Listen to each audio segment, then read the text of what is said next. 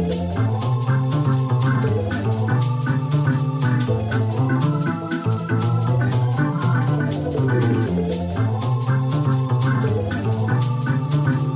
don't need no education. Varmt välkomna till Flumskolans återkomst efter tre års frånvaro. Reglerna är enkla. Fyra personer läser en bok skriven av en makthavare. Ni får följa med på resan. Ge en varm applåd till serietecknare Mats Jonsson, Sveriges just nu mesta kolumnist Linda Skugge, opinionsproffset Jenny Lindahl samt Miljöpartiets ikon Gustav Fridolin.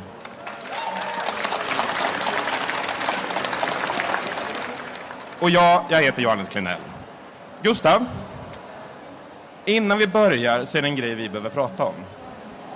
Okej. På måndag gör du din sista dag i riksdagen. Du har avsatt dig riksdagspensionen. Hedervärt. På tisdag är du lärare. Jag och Jenny har pratat om det här. Vi är oroliga för din privatekonomi. Jag har ju ska- höjt lärarlönerna. Ja, men nu ska du få lite tips från coachen. Släpp det där. Jag har en mycket bättre idé. 1.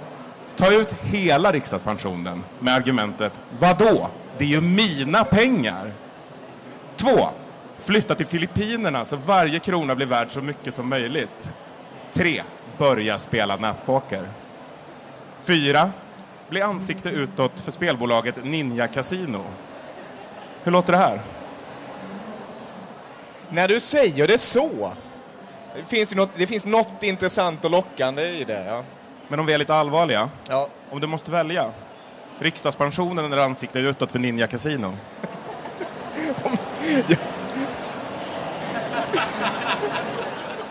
Nej, men jag, på riktigt hade jag eh, eh tänkt... Eh, om SD fick inflytande i en regering så hade jag tänkt ta ut riksdagspensionen och ge dem till Expo. Eh, så det hade jag kunnat göra då i sånt fall. Vi ska nu gå in... Vi ska nu gå in på temaboken för idag. Anna Kinberg Batras bok Inifrån. Det är en självbiografi som måste ha börjat skrivas direkt efter att hon klev av som partiledare för Moderaterna. Och vi börjar med allianskollegornas reaktioner. Annie Lööf både skrattade och grät när jag berättade. Grät eftersom vi båda vi blivit goda vänner efter åratal av nära samarbete. Och skrattade eftersom hon kom av sig när hon hörde att min hund skrek och jag berättade att hon, hunden alltså, fått diarré efter att ha ätit en hel rulle Mentos. Lite uppfriskande ändå, mitt i allting. Hunden återhämtade sig snabbt. Vad tror ni att Kinberg Batra egentligen ville säga om Annie Lööf med den här anekdoten? Jenny? Alltså, jag, jag tror inte hon eh, ville säga något om Annie Lööf utan jag tror att hon bara ville få med sin hund. Alltså, hon försöker klämma in den lite. Och jag är faktiskt förvånad över att det här inte har funkat bättre PR-mässigt. För att, jag vet inte om ni har sett, eh, hunden har ett eget Instagramkonto, den heter Bodil the Bay och eh, hunden heter Bodil. Det är en fantastisk hund. Alltså hunden är så gullig Det är en King att, att jag Charles, förstår hur? inte hur det här inte kunde rädda henne. Alltså den, är, den, är så, den är sjukt gullig. Alltså ni måste kolla på det Instagramkontot sen. Och att det här inte liksom, den har bara 3500 följare. Jag förstår inte. Den borde ha fler än Isabella Löwengrip. Den borde vara partiledare. Alltså den hade kunnat, jag förstår inte att inte den räddade allting. Den- Den kom in för sent tror jag bara. Men jag förstår att hon vill lyfta in den i alla fall. I berättelsen här tidigt. Mats, du är ändå författare. Ja, jag tänker det att först och främst så kommer jag att tänka på sloganen Mentos, the freshmaker. Sen så är det att Anna Kinberg Batra återkommer hela tiden till tv-serien Game of Thrones i den här boken. Men vad det här påminner om är ju snarare tv-serien Parks and Rec. Jag tänker mig att hon nog såg sig som Leslie Knope och Annie var hennes kompis, men jag glömt vad hon hette. Att det här är så här lite, lite, lite käckt och gulligt så här. Det här är inte en memoarbok. Jag är inte tillräckligt gammal och inte särskilt egocentrisk heller. Memoarer förknippar jag med mer eller mindre självupptagna män som helst fyllt 70 och ser tillbaka på en lång karriär där de radar upp ena efter andra framgången efter den andra. Gärna med start i en detaljerad barndomsskildring som visar hur hjälten tidigt formas till att utföra sina stordåd. Håller ni med Kinberg Batra om att memoarer är något gamla gubbar skriver när de är 70? Nej, Gustav? nej, det är en ren myt. Eh, är man man så kan man aldrig vara för ung för att skriva sina första memoarer. Mats, hur ung var du? Eh, Jag började ju när jag var 13 faktiskt, så jag vinner nog här. Men var du 23? Skrev, vad, vad handlade den om? Nej, det var ju inte memoarer så mycket som en, en bok om, om eh, livet. Eh, vad och de var- lärdomar man hade Och vad plockat hade upp du på gjort för vägen. lärdomar då? Stora, eh, faktiskt. Eh, Johannes kanske minns, det var du som hade den fantastiskt enkla uppgiften att marknadsföra den här boken. Ja, fast jag läste den aldrig.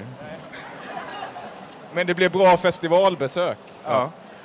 Vad säger du Mats? Hur mycket hade du att säga om livet när du var 13? Ja, det handlar ju faktiskt mest om min prao på en charkuterifabrik, så nej, inte speciellt mycket. Nu färdas vi tillbaks i tiden till år 2014. Moderaterna har styrt Sverige i åtta år men förlorat makten. Kinberg Batra beskriver de toppmoderater hon nu ska flankera sig med. Mitt första intryck av Kristersson var kanske inte det bästa. Jag tyckte han verkade lite märkvärdig. När han kom in i stämmosalen för att hålla tal spelades Hail to the Chief. En marsch som brukade spelas för USAs president i dennes roll som statschef. Rollen som MUF-ordförande, liksom ungdomarnas tro på auktoriteter, har onekligen förändrats sedan dess. Vi har ju två gamla ungdomsförbundsordföranden här. Vad brukar ni rocka för låtar på kongresserna? Jag, jag har ju satt, eftersom du skickade ut den här frågan innan så fick jag ju möjlighet att försöka komma ihåg och ta reda på det. Och grejen är att jag satt, satt igång en kedjereaktion av många engagerade i ungdomsförbundet som försöker liksom debattera vad det var. Men det var nog Imperial March, alltså Darth Vaders eh, signaturmelodi. Oklart varför, cool låt liksom. Ja. Och du då Gustav? Peps Perssons och Boy? Ja, men alltså jag var ju medlem i Grön Ungdom och det gör att jag känner liksom inte igen bilden överhuvudtaget. Man, man gick inte fram, man satt i en ring.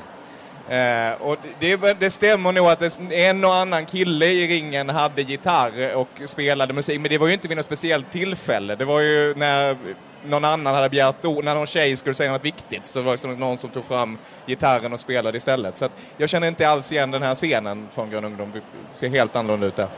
Ni är ju också två. Så det kanske blir lite konflikter om vilken musik som ska spelas. Vi var fler i ringen än två, ibland. Få middagssällskap slår Kristersson som man vill sitta en lång sen kväll och diskutera samhällets utveckling och borgerlighetens utmaningar. Att lösa dem, fatta avgörande beslut och genomföra dem är däremot något helt annat. Skulle vi båda så småningom lära oss. Men dit var det fortfarande långt kvar för både honom och mig. Låter inte det här som en ganska välvillig omskrivning av att Kristersson är väldigt mycket snack och ganska lite verkstad? Jag vet inte, inte ens jättevälvillig kanske. det är väl inte så mycket omskrivning ens en gång. Utan det är mer en, en ganska rak beskrivning av någon som, ja men en typisk sån här ung vänsterkille som eh, Ja, okej, det finns jättemånga fina ung vänsterkillar, inte det. Men som liksom eh, läst mycket, har mycket teori, kan sitta ganska länge och dra teorier då. Men, eh, och det är mest det man bidrar med egentligen. Men låter det inte också som världens sämsta dejt? Eh, jo, eller ja, va, hur, va, hur ska jag veta det? Har du haft några andra? nej, nej, alltså nej. Du har trots allt varit ordförande i Ung Vänster, tänker jag. Ja, nej, men det är väl så man äter middag, tänker jag. Elisabeth Svantesson var sen senare med en god bekantskap från riksdagens finansutskott. Även om få kom henne in på livet. Inte jag heller. Som kuriosa kan man notera att hon är född i Lycksele, men det var för Örebro län hon kom in i riksdagen 2006. Efter en karriär inom Ja till livet och forskning om utrikesfödda kvinnors etablering på arbetsmarknaden. Att den etableringen var milt sagt brister var, var och är en av de stora frågor som vi behöver svara bättre på. Hur imponerade blev ni av den här retoriska glidningen bort från Svantessons bakgrund som aktiv abortmotståndare som aldrig nämns igen någonstans i boken? Mats? Jag tycker det är ganska imponerande, men då har vi det, det vid ju för moderater så viktiga signalordet Lycksele tidigare i meningen. Eftersom det ju var där det stora slaget om MUF stod tidigt 90-tal, där Fredrik Reinfeldt eh, tog över. Så jag tror att Lycksele, det slår ut abortmotståndet, det slår ut allting. Kunde ha skrivit att hon var medlem i Waffen SS efter att ha skrivit Lycksele. Men kan vi också prata om det här att eh, Svantesson, står det här, har gjort karriär i Ja till livet? Alltså hur stor bransch är, är det? Vi, alltså har man, vad, vad, vad, vad börjar man? Man börjar på golvet i Ja till livet och sen liksom jobbar man sig igenom, vad är slutmålet, vad finns det för nivå? Alltså, ja, det är oklart tycker jag. hon har gjort en karriär inom Ja till livet, det är hennes tidigare bedrift. David Batra reagerar på att Anna är utsedd till Reinfeldts efterträdare. Men jag förstår inte vad du skulle kunna göra, undrade han nu med rätta. Han syftade särskilt på Sverigedemokraternas framfart, det parlamentariska läget och hur allt fler moderater redan nu krävde att vi skulle inleda samarbete med det extrema partiet. Det ville ju inte jag. Jag tog avstånd, att jag tog avstånd från rasism och partiets värderingar behövde vi inte ens prata om i vår delvis utom en parlamentariska familj. Men SD ligger ju inte nära Moderaterna i mycket annat heller. Går långt till vänster ibland och är emot både EU och NATO. Varför skulle vi närma oss dem? Sett till boken och rådande politiska läge, tycker ni att Anna Kinberg Batra någonsin gav sin man David ett bra svar på den här frågan? Den är inte, alltså jag tror, vi får väl utgå från att eh, hon har pratat med David mer än vad som framgår i den här boken genom liksom, åren som gått. Så, att vi, så att det är svårt att svara på om, om det har skett. Och jag tror, det känns ju inte som att eh, det känns inte som att det är en sån här omskakande, ärlig Knausgård-skildring liksom, utav deras relation. Det skulle man ju vilja ha. Jag Eller tycker, hur? Alltså jag tycker den här boken har jättemycket problem, men det kan vi ju komma till och sen kanske vi inte hinner med allt. Men någonting som är det allra finaste med boken, man, det är ju en fin kärlekshistoria. Jag älskar hur hon, de, deras kärlek och deras relation och även hur David i media alltid försvarar Anna. Det tycker jag är fint och det är ju utanför boken i och för sig. Och, men, eh, för det finns ju någonting som heter The Oscar Love Curse, heter det väl, har ni hört talas om det? När en kvinna vinner Oscar eller blir nominerad, då blir det alltid skilsmässa. Och att män inte klarar av eh, kvinna, kvinnan blir framgångsrik. Men han verkar ju verkligen eh, han är en av de få som verkligen verkar kunna klara av att ha en framgångsrik fru. Det är väldigt fint. Jag har följt det, långt innan jag läste den här boken så har jag verkligen följt deras eh, relation som en favoritrelation. Vad säger du Gustav? Gav hon ett bra svar någonstans? Nej, men det det är väl mer verkligheten som gett. Jag tänkte på det egentligen kopplat till den förra frågan också med, med Svantesson och sådär. För ETC hade någon ledare i veckan eh, där man hade hittat ett citat från någon artikel Svantesson hade skrivit som, blev, liksom blir i sammanhanget väldigt rolig. Eh, om att man måste göra någonting åt att det finns så många som inte, i Sverige som inte har svenska värderingar när det kommer till sånt som abort och hbtq-rättigheter. Och det är ju väldigt konstigt att skriva om man har varit styrelseledamot i Ja till livet. Jag vet liksom inte om Elisabeth var mindre svensk då än vad hon är nu. Men det är väl möjligen delvis ett svar på just det här resonemanget att sen eh, Anna och David hade den här diskussionen så har ju Moderaterna kommit att bli inte kanske de stora försvararna för eh, liberala värderingar utan de stora försvararna för en uppfattning om Sverige. Eh, och det, det, var liksom, det var ju sättet att försöka tackla SD och sen får man väl fråga sig hur bra det gått. Men, men det är väl så nära någon slags svar man kan komma. Hon beskriver också sitt liv utanför politiken och att hon faktiskt har vänner utanför den. Och då säger hon, jag är lyckligt lottad som har några sådana vänner. Min bror är en av dem. Men jag har ett par till. De ska få fortsätta att tillhöra mitt privatliv och är därför inte namngivna här. Men jag är enormt glad att jag har dem i mitt liv, att de orkat med mig under och finns kvar efter de här åren. Det är vänskap på riktigt. Inte för att jag egentligen fick så jättegoda råd. Vad är det här för grej att säga om sina kompisar?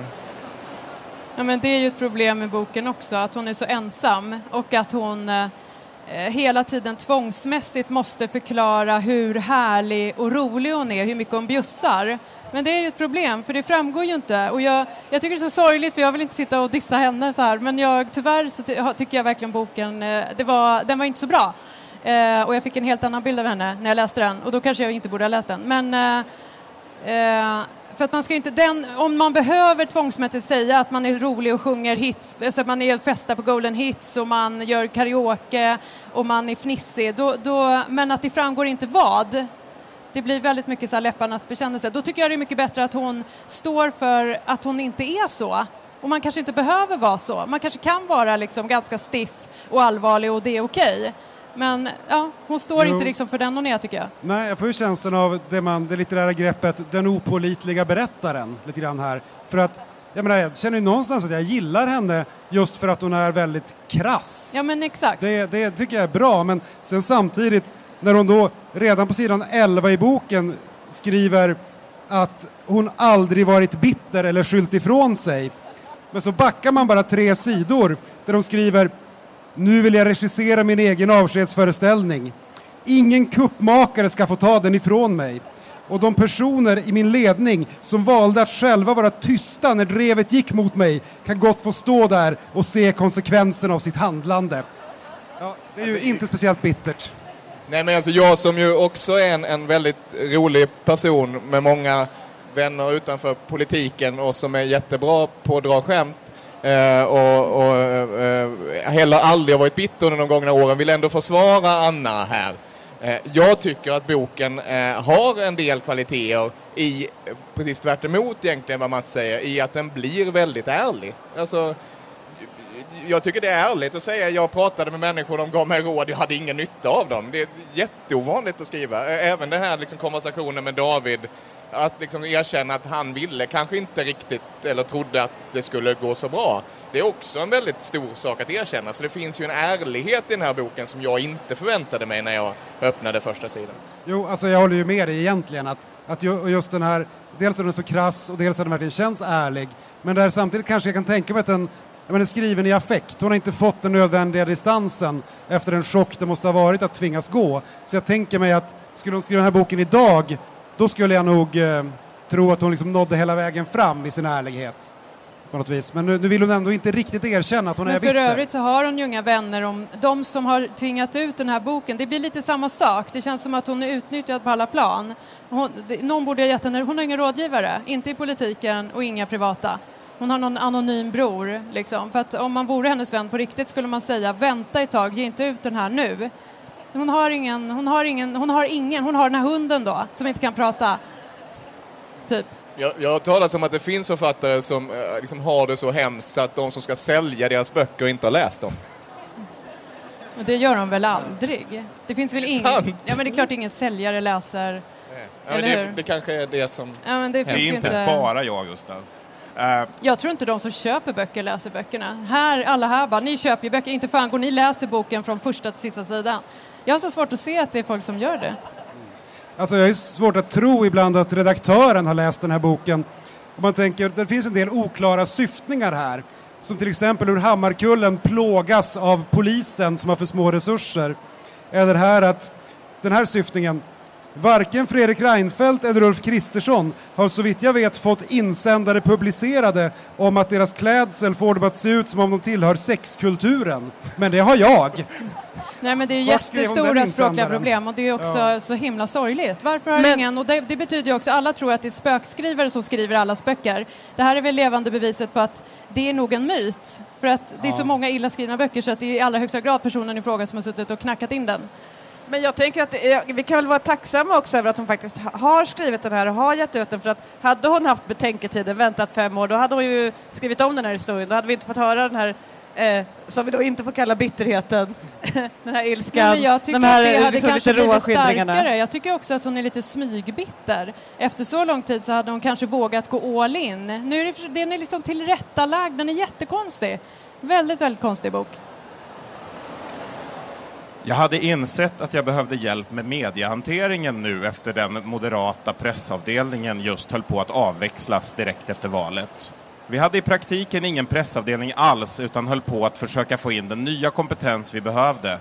Däribland sådan om sociala medier som vi hade förstått att vi kunde komma att behöva. Detta hände alltså 2010. 2011 började moderat riksdagsledamoten Lars Bäckman, känd för tweets om mörkröda SVT, twittra. Min kollega grävjournalisten Karl Martinsson har tagit fram lite siffror här. Han laddade ner alla tweets med hashtaggen Almedalen under ett dygn.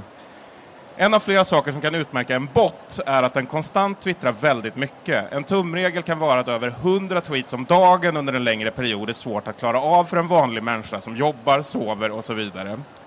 Han räknade sedan ut antal tweets per dag, en hel del uppenbara bottar dök upp och några riktiga personer som kanske bara gillar att tweeta väldigt mycket. Den enda han såg som hade över 100 tweets om dagen och som han på förhand var säker på inte var en bot var just Lars Bäckman. Om man antar att Lars Bäckman sover åtta timmar per natt så har han alltså tweetat oavbrutet var tionde vaken minut sedan maj 2011. Sett till detta, tycker ni att Moderaterna utvecklade stark ny kompetens på sociala medier? Uppenbarligen. Men vad är en bot då? Vet alla det? Är det? Men ni menar att det var en stab? Det är det du menar där? Att det inte han, de sa att det fanns bara han och så var det en stab? Nej, det är en så kallad robot Alltså, som, som, skriver autogen, autogenererade saker som någon programmerar innan, eller vad? Ja, exakt det faktiskt. mm. Inte, man pratar väl ofta om ryska porrbottar till exempel som försöker kontakta en på Twitter och sådär. Mm. Ja, och, och Lars Bäckman då? Jag hade ett gigantiskt eh, porrbotsproblem en gång med en kampanj. Alltså de targetade, jag tror att det var, det var en kampanj som hette Sluta hyvla, jag tror att det är för att slatt ingår i liksom hashtaggen, gissar jag bara. Men alltså det var typ, ja, det är en helt annan historia. Eh, I alla fall så liksom, typ, ja, de kan verkligen, de, de går in på och bara tweetar, skickar bilder. helt galet.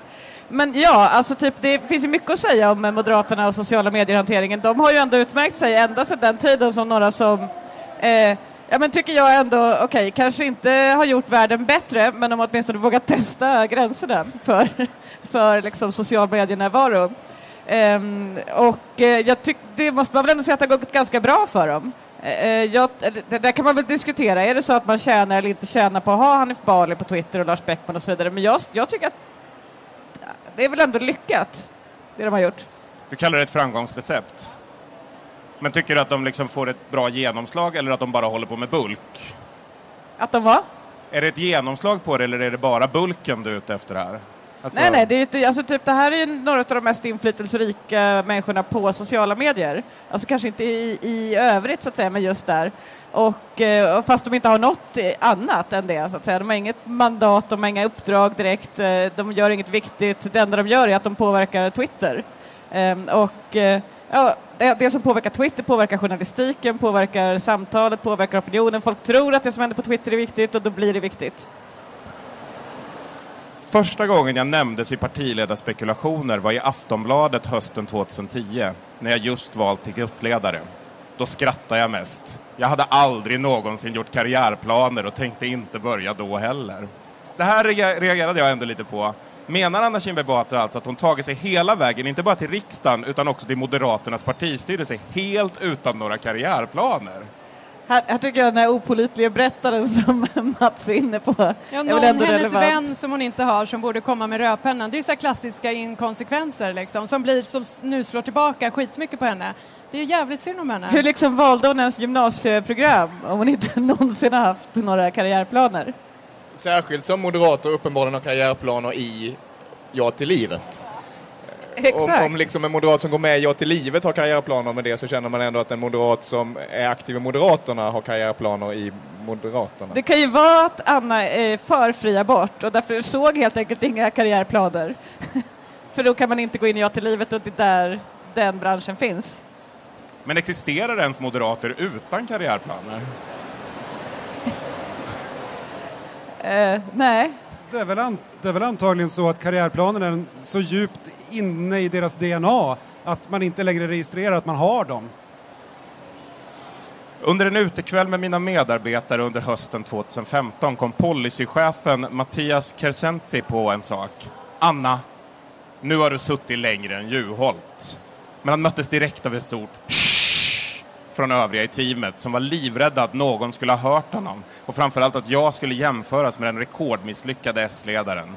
Mattias var tvungen att genast lova att aldrig jämföra mig med Juholt igen. Är liksom Juholt partiledarnas svar på Voldemort? När vi går full Juholt liksom. får inte säga, får inte nämnas. Eh, nej men det här, har- det, här tycker, det här har ju dykt upp, det här är ju inte bara i Moderaterna utan det här dyker ju upp liksom eh, till, alltså en sak som man kan säga i ett politiskt sammanhang är och se hur det gick för Juholt. Och då förstår alla liksom så här, typ, det, det är ett gångbart argument. Um, eller också, eller också det motsatta då, om bara Juholt hade gjort si... Ja. Nej, men så Juholt är liksom någon slags konstant pelare av referens kring eh, hur saker kan gå snett för, för en hel politisk rörelse. Det är lite orättvist kan man tycka. Så, så illa gick det väl ändå inte? Hey, I'm Ryan Reynolds. Recently, I asked Mint Mobile's legal team if big wireless companies are allowed to raise prices due to inflation. They said yes. And then when I asked if raising prices technically violates those onerous two year contracts, they said, What the f are you talking about, you insane Hollywood ass? F- So to recap, we're cutting the price of Mint Unlimited from $30 a month to just $15 a month. Give it a try at mintmobile.com slash switch. $45 upfront for three months plus taxes and fees. Promo for new customers for limited time. Unlimited more than 40 gigabytes per month. Slows. Full terms at mintmobile.com. Gustav, vad har Miljöpartiet för Juholt-policy? Får ni prata om honom i din närvaro? Det- Fick de det? det, det, det har nog hänt faktiskt. Jag, vi var ju, jag jobbade ju med, med partiledare samtidigt. Eh, men jag, är- jag, för att jag funderar just på det, alltså hur gick den här scenen till? När då den här policychefen hade sagt det, vad händer mellan hyschandet och att han utfärdade publika löften att aldrig igen nämna Juholt? Hur går den diskussionen till? Är det Anna som tar upp det, är det någon annan vid bordet som liksom pressar fram detta löfte som uppenbarligen då också yttras publikt? Han fick lova att aldrig igen nämna Juholt i min närvaro. Eller vad det, är så det, det, den scenen skulle man ju liksom vilja ha lite mer av. Tack vare bra resultat på högskoleprovet kom jag in på Handelshögskolan så småningom. Även ut med examen och jobbade några år i företaget Universium med uppstarten av två rekryteringsföretag, Nova och Jobline, som idag heter Monster. På Handels hade den första kvinnliga professorn, Karin Holmqvist, just startat ett business lab för sådana som gillade att starta eget och vi delade ut pris i affärsplanstävlingen Guldräven till några killar som hade en idé om, som snart skulle byta namn till Klarna. Det var roligt och lärorikt. Men åren i Moderata ungdomsförbundet var ändå roligare. Är det här det mest moderata någon någonsin har skrivit? Ja, alltså vadå, vilka, vilka är de här människorna som gillade att starta eget? Alltså, finns det folk som, jag menar folk gillar väl kanske att jobba med någonting som innebär att man startar, men så folk som gillar att starta eget. Vad ska du göra? Vad är din karriärplan? Starta eget liksom. O- Oklart varför, vad. Det här är folk som, ja, Man får ju också känslan av att, tänker, eh, i början av boken när hon då tar över som partiledare, eh, och hon är väldigt inne på det att Moderaternas resurser krymper så mycket eh, i och med att de har förlorat regeringsmakten och fått färre mandat. Och det är ett oerhört gnäll över de här nedskärningarna. Och man verkligen känner hur hon bara drömmer om att få gå ut med, med en finansieringsrunda så här och verkligen in med riskkapitalet liksom. Lägga upp en business plan. Men hon, som, hon gör ju liknelser med företag och ni som är då politiker här, kan man alltså inte, för problemet för henne är att hon inte hade några vänner och att hon inte kickade det hon kallar led, det är ledningsgruppen kanske det heter, det heter ju inte riktigt det då, men kan man inte det alltså? Kan man byta om, när hon kom in inom politiken, får man inte byta ut alla där för då kanske hon hade klarat sig? Jo, Hon men, skriver ju om det här, att det liksom inte är, det finns ingen VD och det finns liksom inga, utan alla är folkvalda. ja, man kan ju inte byta ut sin riksdagsgrupp. Nej. Eh, vi är ju några som... Är det det Man kan som inte gjorde... byta ut sin riksdagsgrupp, Ja, nej. men ni så, är det det som gjorde att hon eh, fick sluta då? De liksom ut, ut, eh, manövrerade ut henne liksom för att hon inte kunde Ja, men det är ju viktigt spel. att, att eh, byta ut, alltså om man tittar på det här är ett jätteproblem till exempel nu för Nyamko Sabuni. Hon behöver ju ha sitt folk. Hon, hon har kommit in, hon är liksom från, hon är en yttre fiende i en slags miljö här nu. Eh, hon, hon kommer in och måste ha in sitt folk men, men, men Liberalerna har inga pengar. Absolut inga pengar. Så vad de har gjort är att de har tagit eh, den här uppgörelsen med regeringspartierna då. Eh, vi ska ha fem anställda i regeringskansliet och då har de tagit sina dyraste, det är sant, alltså de dyraste riksdagspersonalen, de mest seniora, skickat dit för att få loss så mycket pengar som möjligt. Nej, men det här är jätteavgörande och det är också jättesvårt att komma in som ledare och börja liksom sparka folk för att jag tänker mig att då när Anna börjar, eh, men det är mycket osäkerhet, man är helt ny på ett ganska Eh, ganska svårt jobb, eller vad säger du Gustav? Eh, liksom, det, det är lite svårt, alltså det är krävande. Det är mycket du har i huvudet och sen att man då också ska börja liksom riskera att göra sig till fiende. Så, men det man behöver är ju att ha liksom, de här vännerna, man behöver ha de här rådgivarna som, som sköter det jobbet åt en, se till att man får rätt stab kring sig och så. Men hon beskriver ju hur hon är väldigt aktiv där eh, för att Reinfeldt mest sitter på sitt rum eh, och att hon får göra allting. Så är ju liksom inledningen, och nog inte falskt på något sätt heller, eh, efter eh, då förlustvalet för eh, den sista alliansregeringen. Och då eh, Eh, är hon ju jätteaktiv i vilka som ska ha vilka olika positioner och bygga det laget och sen kommer ju den här presentationen av Kristersson och Svantesson som du läser. Där finns ju en inkonsekvens att hon å ena sidan har jättemycket makt över vilket lag man ska ha och sen när man når slutet så var det eh, ett fel lag som blev påtvingade henne som var anledningen till att det inte gick. Det, det där, de sakerna kan ju inte stämma båda två samtidigt. Den 25 maj 2014, efter valet till Europaparlamentet, dansade Gustav Fridolin i fontänen på Mariatorget i Stockholm upprymd av ett rekordresultat för sitt parti där det var Miljöpartiet som hade fångat tidsandan kanske allra bäst. Den blöta dansen kan beskrivas som identitetspolitikens höjdpunkt eller lågvattenmärke beroende på lust och politisk läggning. Vad säger ni i panelen? Var det här identitetspolitikens höjdpunkt eller lågvattenmärke? Gustav? Nej men här blir jag ju arg. Liksom. Kommer så här långt blir jag förbannad. Eh, för det, det här var det alla moderater sa efter det valet, nämligen det här valresultatet blev fel för att medborgarna prioriterade fel frågor. Eh, jag tror det var eh, partisekreteraren, den då moderata partisekreteraren som satt i Agenda och på frågan om varför det gick så dåligt för Moderaterna, det var liksom första gången sedan 70-talet de inte var näst störst i ett eh, allmänt nationellt val. Då sa han, ja vi prioriterar ju de stora frågorna, ekonomin, Europas framtid. Men eh, valdebatten kom mer att handla om mindre frågor som miljö och jämställdhet. Eh, och liksom, ja, om du definierar identitetspolitik som planetens överlevnad och jämställdhet mellan män och kvinnor, ja men då, ja, då var nog det här ett identitetspolitiskt tillfälle. Men om man har en annan definition av identitetspolitik, då eh, kanske inte den här meningen riktigt håller alls. Så Men vilket... vad, vad dansade du för dans då? Var det vatten i? Det var När vatten var det? i fontänen. Var det varmt? Det var, jag minns inte om det var varmt. Eh, och eh, Miljöpartiet, det finns en sån här, någon skrev att miljöpartister dansar alltid som om ingen ser på. Eh, ungefär så var det. Men alltså dansade du verkligen? Alltså, stod du i fontänen och liksom jassade så här med händerna eller liksom genomförde du en slags performativ dans? Eller alltså, vad, vad betyder det här att du dansade i fontänen? För man badar ju liksom i fontän, men vem fan da, äh, men jag är det Anita Ekberg liksom? Vad? Vem hade extra kläder? Fick du urinvägsinfektion? Ja, det var sådana saker, men det är ingen som... Ja men ärligt, vem hade, du, du har extra kläder på kontoret då, så, eller du var blöt resten av kvällen? Ja. Blev du sjuk? Nej. Det var ju maj, det var ju härligt. Men du svarar ju inte på frågan om vad det är för dans. Kan vi få en... Alltså jag förstår inte, jag kan inte visualisera det här. Jag, jag har också svårt att minnas att eh, dans skulle vara en, en bra beskrivning av Du kanske egentligen bara badade? Det är nog mer korrekt, ja. I så, fall, I så fall var det fan inte identitetspolitikens lågvattenmärke eller höjdpunkt. Gustaf Fridolin är liksom så här politikens svar på Elaine Bennes i Seinfeld. När hon ska göra sin chefsdans. Jag växte upp under tiden när Sverige blev rikare och rikare, öppnare och öppnare, trots att Socialdemokraterna nästan alltid regerade landet.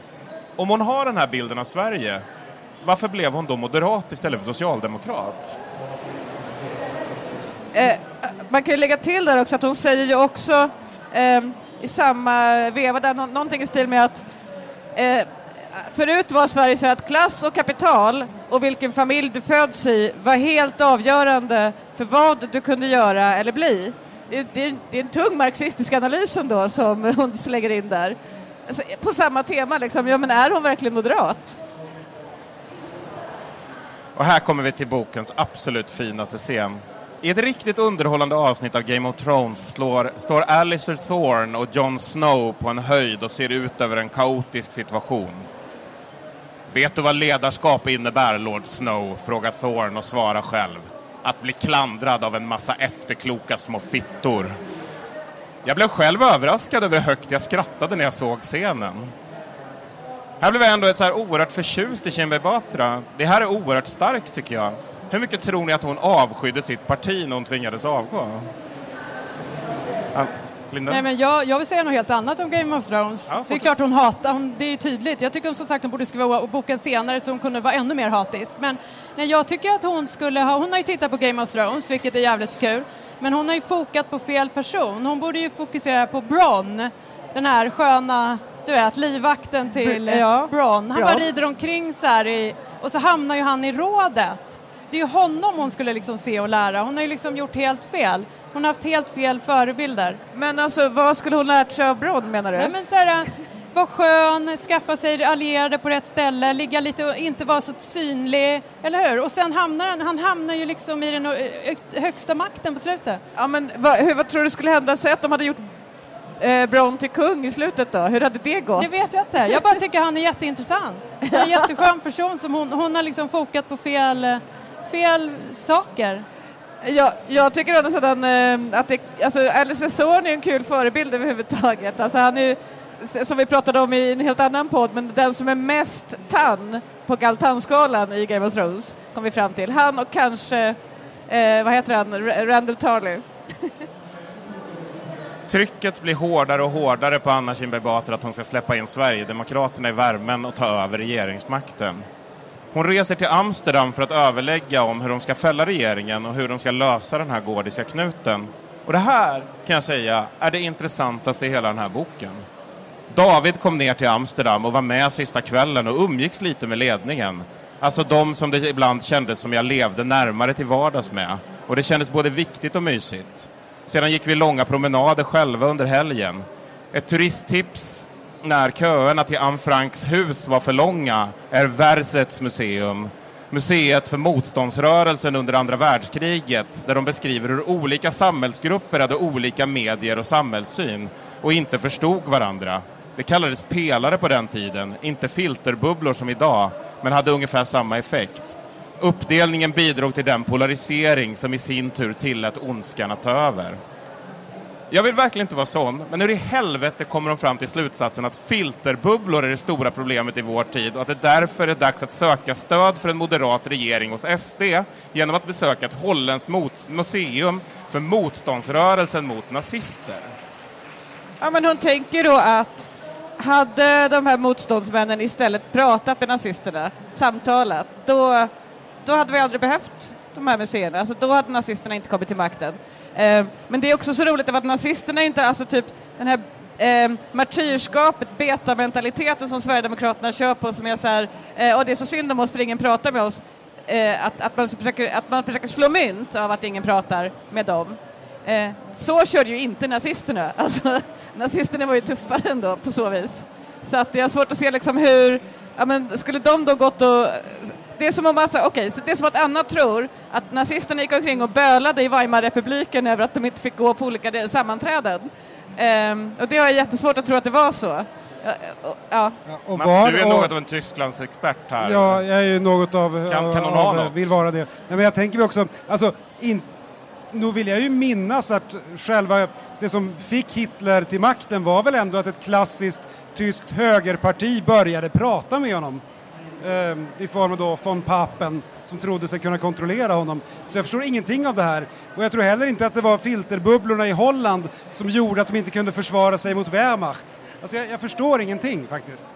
Nej, och, och det, ja, men det är det, de historiska parallellerna faller ju helt, just för att det fanns ju de som samtalade med nazister. Skillnaden är att vi bygger inga museer för att hylla den tidens högerkrafter som lät nazisterna komma till makten. Vi bygger museer för att hylla motståndet och försöka lära oss av det. Och uppenbarligen är dock inte de museerna tillräckligt bra. Men, men vad tror ni hade hänt om hon hade tagit sig in i Anne Franks hus istället? Eh, svårt att ens gissa. Ett antal kollegor, vänner och medarbetare slet hårt i veckor för att försvara mig och oss i sociala och andra medier. Petra Kam Nord och Siavos Devraki från Unga Dialog fanns där. De blir ju aldrig ängsliga för någonting, men jobbar däremot med att ut, ersätta hat med dialog. Det behövdes här. Elliot Moskovic, duktig skribent och aktiv i både MUF och Judiska församlingen, skrev i Aftonbladet om hur de ut, hur de som utnyttjade Förintelsens minnesdag för att kritisera mig visade bristande respekt för dess offer. Goda vännerna Mikael Bindefeld, här är någon som faktiskt är god vän med Mikael Bindefeld, och Johan Oljekvist, som jag var med och rekryterade till VD för Fryshuset när jag satt i dess styrelse några år, hjälpte mig att komma i kontakt med flera av Förintelsens överlevare för att personligen få framföra min respekt och sympati för dem. Jag vet inte hur ni känner, men om ni har gjort en grej där ni känner att ni måste framföra er respekt för Förintelsens överlevare personligen för att ursäkta er, skulle inte ni då känna att ni kanske gjort fel grej? det, här är grundproblemet i hela Boken kretsar ju mycket runt detta därför att de, de stora stegen som Anna Kinberg Batra tog i att förflytta Moderaterna närmare SD och sen har det liksom kommit fler steg efter det men det var ju början på eh, slutet för Anna Kinberg Batras partiledartid. Eh, både som hon själv ser det och, och ja, men rent faktiskt om man drar en tidslinje. Eh, men hon, det finns ju ingenting i reflektionen någonstans som tyder på att det funnits en diskussion i Moderaterna där man förstod varför eh, människor kritiserade dem för detta. Utan det som återkommer är ju att en, en uppfattning om att varför får inte vi skriva en budgetreservation? Det är liksom ingen som kritiserat Moderaterna för hur de skriver sin budgetreservation formellt, utan kritiken har ju handlat om kan man tänka sig ett samarbete med Sverigedemokraterna och därigenom ge dem mer makt än den de fick i förra valet eller inte. Eh, och den diskussionen går hon ju i hela boken aldrig in i. Hon lägger aldrig fram argumenten för varför hon skulle tycka att ett sådant samtal, ett sådant samarbeten skulle vara bra eller okej, okay, utan hon håller det på den här väldigt formalistiska nivån som tyder på att den diskussionen har liksom aldrig riktigt förts efter att de här utspelen gjordes. Jag trodde naturligtvis aldrig att varje partivän var min personliga vän. Det visste jag förstås att så inte var fallet. De valde mig visserligen enhälligt två gånger, men därifrån till äkta och personligt förtroende visste jag att det var långt. Carl Bildt påpekade vid något tillfälle att moderater alltid klagar på partiledaren och min tid så var som sagt inget undantag. Men förr fanns det en vedertagen och väletablerad princip om att inte göra det offentligt. Finns det inte vissa drag av paranoia i Kinberg Batras ledarskap här eller måste man liksom tänka så här som partiledare? Du har ju varit kommunikationsansvarig för ett parti. Alltså, är det så här utsatt i partiledarrollen? Nej men alltså, det är, ja det är, det är vidrigt ändå skulle jag säga. Alltså därför att, eh, därför att i, så här, man tror ju kanske om man är utanför politiken så tror man att det man håller på med i partierna är att bråka med andra partier. Men det är inte alls vad man håller på med, man håller på med att bråka med varandra. Och sen försöker man eh, verka vettigt sams utåt men eh, alltså huvudfienderna för var och en som är politiker är någon som sitter strax bredvid i allmänhet, alltså någon slags ärkefiende inom partiet, någon slags eh, nemesis man har i riksdagsgruppen eller så. Eh, så att eh, paranoian är ju på sin plats här. Eh, alltså sitter man i ett politiskt parti så kommer man ha jättemånga fiender precis runt omkring sig hela tiden. Det var ljuvligt att komma fram till Bohuslän. Allt var grönt och varmt. Familjen hade lagat mat och valpen Bodil, som bara var några veckor gammal, kände inte bara igen mig utan hoppade upp på mig och ville pussas. Gulligt. Vi åt lite innan jag somnade, så vaknade jag i huset i Bohuslän, sa hej till familjen, la in en tvätt och somnade om. Vaknade igen, paddlade kajak en stund och blev biten av ett litet djur på armen. Slog ihjäl djuret, paddlade hem och somnade igen. Eh, alltså hon har en ganska raddande retorik. Det är, inget, det är liksom inget... Ja men här tycker jag Linda som har klagat så mycket på på eh, den litterära kvaliteten. Det här har väl ändå en Ja men det blir bara, det blir ju inte så, det, det blir ingen, eh, man känner ingenting. Det är någonting som hon bara, det är för sorgligt. Det, den är, det fun som bok funkar den ju inte alls. Men känner du inte att den här, det är ändå Alltså det är någon slags prosa här som, eh, ja, men hon som bjussar ju inte på någonting. Hon, måste antingen, hon försöker säga att hon är bjussig, men hon kan, det hon då ska bjussa, det blir inte något bjussigt. Så det blir liksom helt... Eh, som ren, eh, ja, men ren, som ren prosa är det helt värdelöst. Och sen även som maktkamp är det också rätt värdelöst. Man får ju ingenting Du menar som... eftersom hon förlorar, eller? Nej, men hon bjussar, alltså det, det, finns ingenting som är rafflande, man får inte reda på någonting. Alltså hon, det är någonting, den är helt stum liksom. Jag tycker jag fick reda på mycket om moderater och vilka som hade gjort vad och vilka som hade varit svinigast och så. Nästan hela det moderata inre livet syntes just nu utåt och det var ingen vacker syn. Men jag såg och hörde och kände ett enormt stöd, liksom en viss förfäran, särskilt från de som själva varit aktiva moderater, över hur vissa kollegor höll på. Det var ju inte vår rörelses vackraste dagar och timmar detta. Och de som höll på var inte så många. De allra flesta aktiva moderater skulle aldrig bete sig så. Flera aktiva i de län vars ledare krävt min avgång skrev också till mig för att berätta om kuppartade möten vars slutsatser de inte delade. Många har berättat efteråt hur de skämdes över partiet. Det kom nya avgångsprav, ett i taget med lagom mellanrum och jag hann tänka att kuppmakarna ändå visade att de hade kapacitet. Några hade lagt ner mycket jobb på det här under sommaren med att planera och organisera det mesta som händer nu. Det här kännetecknar väl ändå riktigt bra chefskompetens. Att liksom uppskatta ett gott hantverk när man blir störtad. Är inte det lite som att tänka jävla välslipad ändå när någon sätter kniven i en? Mats? Jo, men jag känner ju det att, att det är ju, jag menar, tänk till exempel på hur Julius Caesar dödades. Jag menar, det är ju det perfekta dramaturgiska slutet på hans bana. Och jag kan nästan säga att Anna Kinberg Batras slut var nästan lite för perfekt. Att det går så här, di, di, di, di, bump. Att det är ju, det är inte liksom eh, Sokrates vi pratar om här. Jag, jag förstår, jag har 100% igenkänning på detta faktiskt. För att jag, jag, har ju, jag har ju behövt tacklas med en intern opposition som inte alls var lika bra. Eh, och det fanns ju många tillfällen där man faktiskt hade önskat att de var det. Så att man hade kunnat sluta. Anna Kinberg Batra slutar ju i alla fall. Och då återkommer vi till en inledande scen. Lite senare på kvällen gick jag omkring och torkade bajs från köksgolvet. Vilket i det här läget jämfördes med allting annat, jämfört med allting annat kändes rätt skönt. Hunden hade alltså snott åt sig en rulle Mentos ur en skolväska som låg öppen på golvet och rätt snart hade hennes små tarmar reagerat med full kraft. Det luktade i och för sig lite mint, vilket vi fnissade lite åt. Är det här ett starkt dramaturgiskt grepp, att börja och sluta en bok med hundvalpen Bodil som skiter ner sig, tycker ni? Mm. Jag tycker bara det blir desperat eftersom hunden uppenbart inte lyckats. På ett, det, då ska man nästan tysta ner den. Men hon är liksom, hon, hela hon blir ju som klassiskt icke-gestaltande. Det blir jag satt och grät i taxin. Man känner ingenting. Tyvärr, det är ju inte hennes fel egentligen. Hon, hon har inga medarbetare någonstans som kan hjälpa henne. Hon har inga rådgivare någonstans. Men hur tror ni de här samtalen med förlaget såg ut? Jag vill börja och sluta med den här bilden. Bodil, bajs, Mentos och däremellan min tid som partiledare i Moderaterna. Mats? Ja, det är, det är ju någonting lite futtigt med det hela måste man ju säga. Men, men någonting jag undrar över är ju det här med där att du ändå torkar upp bajset själv. Det känns ju som att, med tanke på vilket parti där hon har lett, så undrar jag ju över hennes liksom rutavdragspersonal.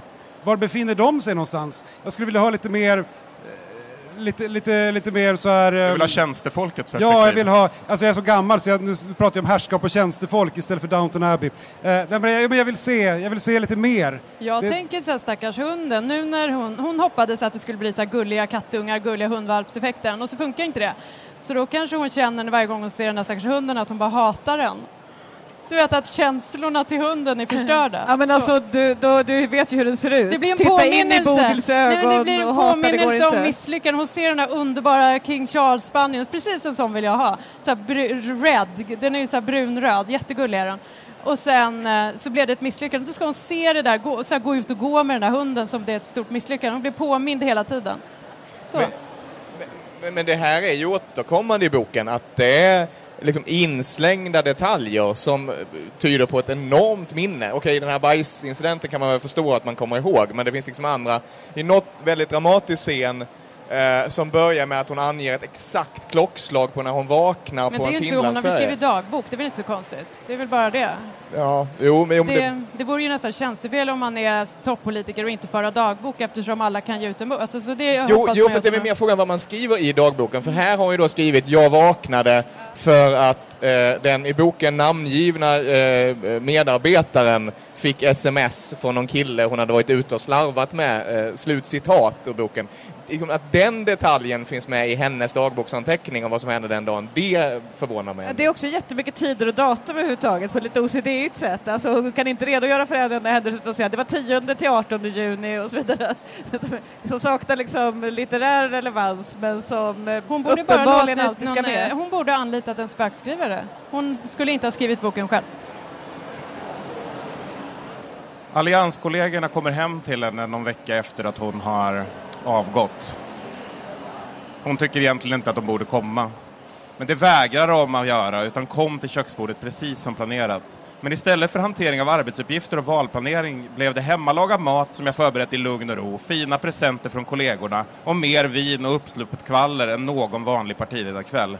Det behö vi behövde det, alla fyra.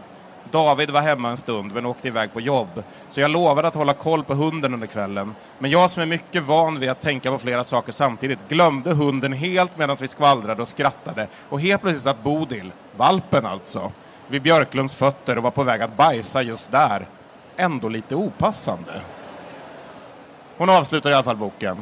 Valspurten utspelar sig i mörker efter utbredda skogsbränder under sommaren och till synes koordinerade bilbränder lagom till de första partiledardebatterna.